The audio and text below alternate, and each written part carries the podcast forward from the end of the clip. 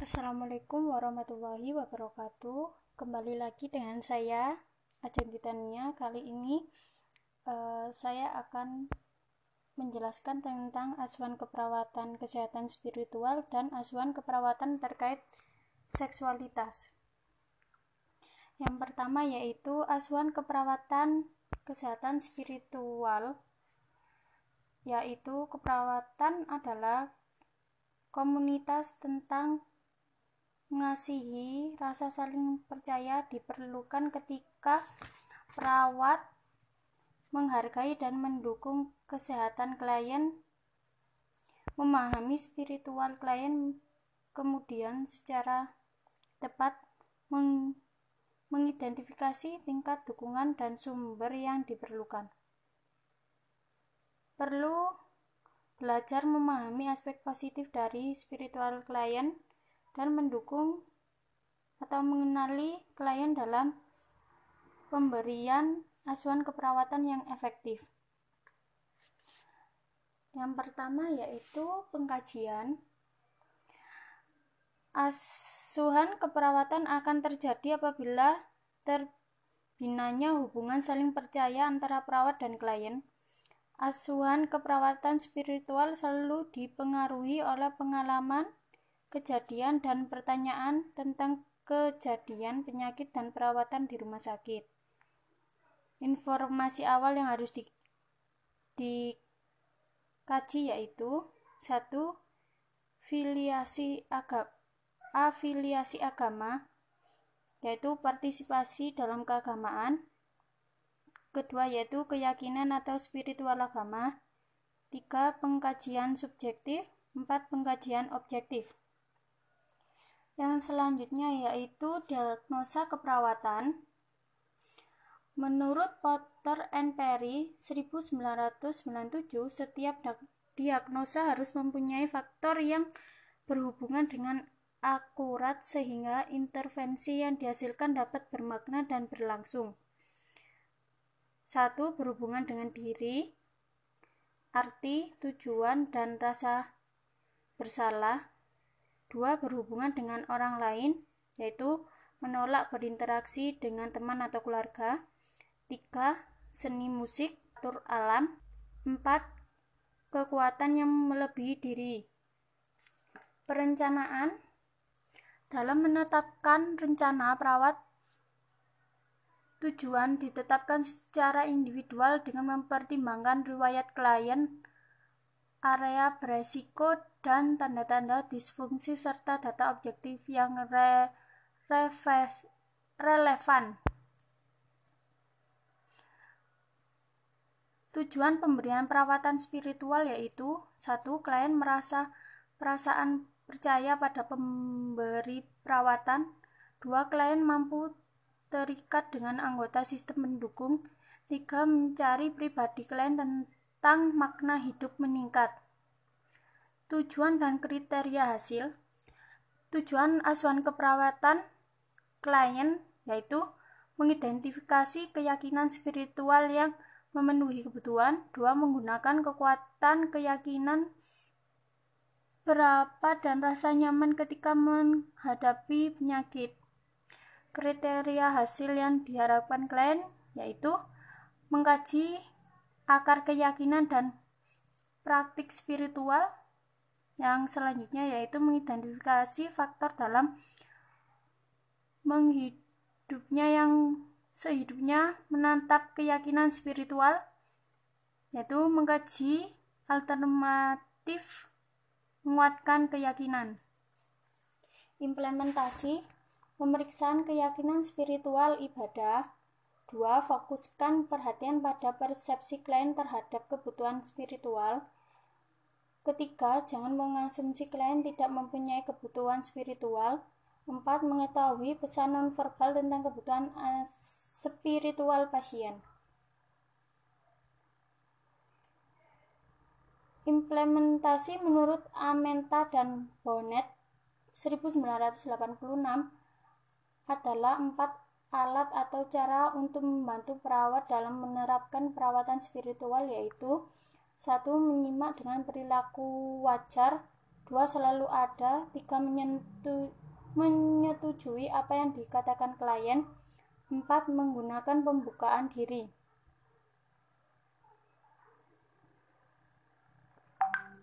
Evaluasi perawat mengevaluasi apakah intervensi keperawatan membantu menguatkan spiritual klien. Dua, perawat membandingkan tingkat spiritual klien dengan perilaku dan kebutuhan yang teradaptif dalam pengkajian keperawatan.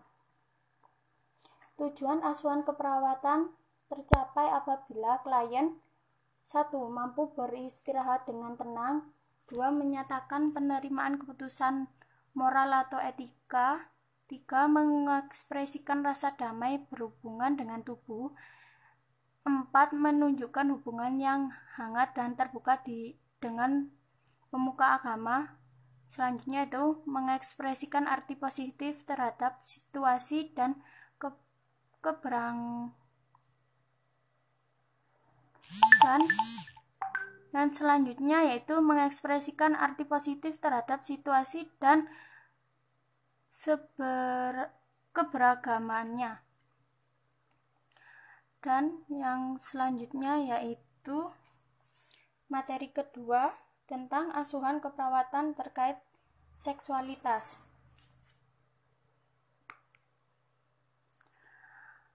Asuhan perawatan klien dengan penyimpangan seksual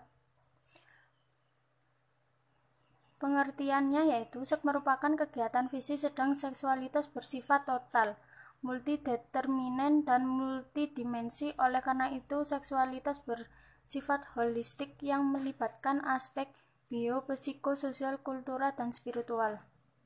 Proses perkembangan kes kesadaran diri terhadap seksualitas tingkat kesadaran diri perawat terhadap seksualitas mempunyai dampak langsung pada kemampuan melalui intervensi keperawatan menurut Strut Sunde 1995 yaitu satu tahap ketidaksesuaian kognitif dapat diatasi dengan menghindari tanggung jawab profesional dan tetap berpegangan pada keyakinan pribadi.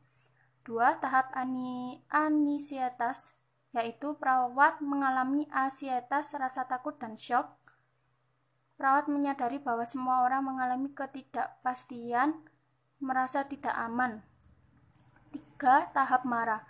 Kemarahan umumnya ditunjukkan pada diri sendiri, klien, dan masyarakat. Perawat mulai mengakui bahwa masalah yang berkaitan dengan seks dan seksualitas bersifat emosional. Empat, tahap tindakan. Pada tahap terakhir ini, perasaan marah mulai berkurang. Perawat mulai menyatakan bahwa menyalahkan diri sendiri atau masyarakat karena ketidaktahuannya tidak akan membantu klien dengan masalah seksualnya. Faktor-faktor yang mempengaruhi seksualitas satu pertimbangan perkembangan yaitu proses perkembangan manusia mempengaruhi aspek psikososial, psikososial, emosional, dan biologis. Kehidupan yang selanjutnya akan mempengaruhi seksualitas individu. Yang kedua yaitu kebiasaan hidup sehat dan kondisi kesehatan. Tubuh, jiwa, dan emosi yang sehat merupakan persyaratan utama untuk dapat mencapai kepuasan seksual. Trauma atau stres dapat mempengaruhi kemampuan individu untuk melakukan kegiatan atau fungsi kehidupan sehari-hari, yang tentu juga mempengaruhi ekspresi seksualnya. Tiga, peran dan hubungan Kualitas hubungan seseorang dengan pasangan hidup sangat mempengaruhi kualitas hubungan seksualnya. Konsep diri, pandangan individu terhadap dirinya sendiri mempunyai dampak langsung terhadap seksual. Yang kelima yaitu budaya, nilai, dan keyakinan. Faktor budaya termasuk pandangan masyarakat tentang seksualitas dapat mempengaruhi individu. Agama, pandangan agama tentu itu yang di, diajarkan ternyata berpengaruh terhadap ekspresi seksualitas seseorang yaitu berbagai bentuk ekspresi seksual yang di luar kebiasaan dianggap tidak wajar. Etika seksualitas yang sehat Menurut Taylor List and Lee Monhe 1997, tergantung pada terbebasnya individu dari rasa bersalah dan anxietas. Yang selanjutnya yaitu D. Menyimpang perilaku seksual. Transseksualisme 2. Gangguan identitas 3. Pedofilia 4. Eksibisionisme 5. Sadisme seksual 6. Masokisme seksual 7. Voyeurisme 8. Fetisisme 9. Fetisisme transvestik 10. Frotteurisme Gangguan rangsangan seksual 14 hambatan orgasme. Proses keperawatan yaitu satu pengkajian.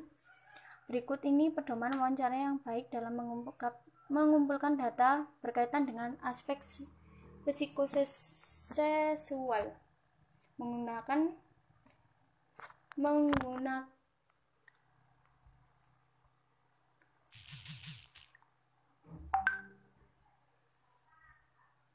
menggunakan pendekatan yang jujur dan berdasarkan fakta yang menyadari bahwa klien sedang mempunyai pertanyaan atau masalah seksual. B. Mempertahankan kontak mata dan duduk dekat klien.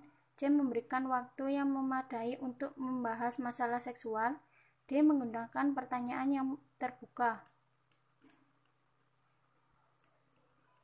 Diagnosa keperawatan 1 Disfungsi seksual berhubungan dengan perubahan struktur dan fungsi tubuh, penganiayaan fisik, seksual, depresi, batasan karakteristik yaitu satu tidak adanya hasrat untuk aktivitas seksual, dua perasaan jijik, ansietas, panik sebagai respon terhadap kontak genital, Tiga, tidak adanya pelumasan atau sensasi subjektif dari rangsangan seksual selama aktivitas seksual. Keempat, yaitu kegagalan untuk mencapai atau mempertahankan ereksi penis selama aktivitas seksual. Tujuan jangka pendek yaitu pasien akan mengidentifikasi stresor yang berperan dalam penurunan fungsi seksual dalam satu minggu. Tujuan jangka jangka panjang yaitu pasien akan mendapat kembali aktivitas seksual pada tingkat yang memuaskan untuk dirinya dan pasangannya. Dimensi waktu ditentukan oleh situasi individu. Intervensi 1. Kaji riwayat seksual dan tingkat kepuasan sebelumnya dalam hubungan seksual. 2. Kaji persepsi pasien terhadap masalah. 3. Bantu pasien menetapkan dimensi waktu yang berhubungan dengan awitan masalah. 4. Kaji alam, perasaan, dan tingkat energi pasien. 5. Tinjau aturan pengobatan. 6. Anjurkan pasien untuk mendiskusikan proses penyakit. 7. Dorong pasien untuk menanyakan hal-hal yang berkenalan dengan seksual. Tujuan jangka Tujuan jangka pendek yaitu pasien akan mengatakan aspek-aspek seksualitas yang ingin diubah Dua pasien dan pasangannya akan saling berkomunikasi tentang cara-cara di mana masing-masing meyakini hubungan hubungan seksual mereka dapat diperbaiki. Tujuan jangka panjang, pasien akan memperlihatkan kepuasan dengan pola seksualitasnya. Pas, dua, pasien dan pasangannya akan memperlihatkan kepuasan dengan hubungan seksualnya. Intervensi yaitu satu ambil riwayat seksual per Perhatikan ekspresi area ketidakpuasan pasien terhadap pola seksual. Kaji area-area stres dalam kehidupan pasien. 3. Catat faktor-faktor kebudayaan, sosial, etnik, dan religius yang mungkin menambah konflik yang berkenaan dengan praktik seksual. 4. Terima dan jangan menghakimi. 5. Bantu terapi dengan perencanaan modifikasi perilaku untuk membantu pasien yang berhasrat untuk menurunkan perilaku-perilaku seksual. 6. Jika perubahan pola seksual berhubungan dengan penyakit atau pengobatan medis, berikan informasi untuk pasien dan pasangannya berkenaan dengan hubungan antara penyakit dan perubahan seksual. Dan yang terakhir yaitu hasil pasien yang diharap menetapkan atau kriteria pulang. Satu, pasien mampu menghubungkan faktor-faktor fisik atau psikososial yang mengganggu fungsi seksual. Dua, pasien mampu berkomunikasi dengan pasangannya tentang hubungan seksual mereka tanpa mereka tidak nyaman. Tiga, pasien dan pasangannya mengatakan keinginan dan hasrat untuk mencari bantuan dari terapi seks yang berprofesional. Empat, pasien mengatakan kembali bahwa aktivitas seksualnya ada pada tahap yang memuaskan dirinya dan pasangannya. Lima, pasien dan pasangannya mengatakan modifikasi dalam aktivitas seksual dalam berespon pada keterbatasan karena penyakit atau tindakan medis. Baik, itu saja podcast hari ini. Semoga bermanfaat. Wassalamualaikum warahmatullahi wabarakatuh.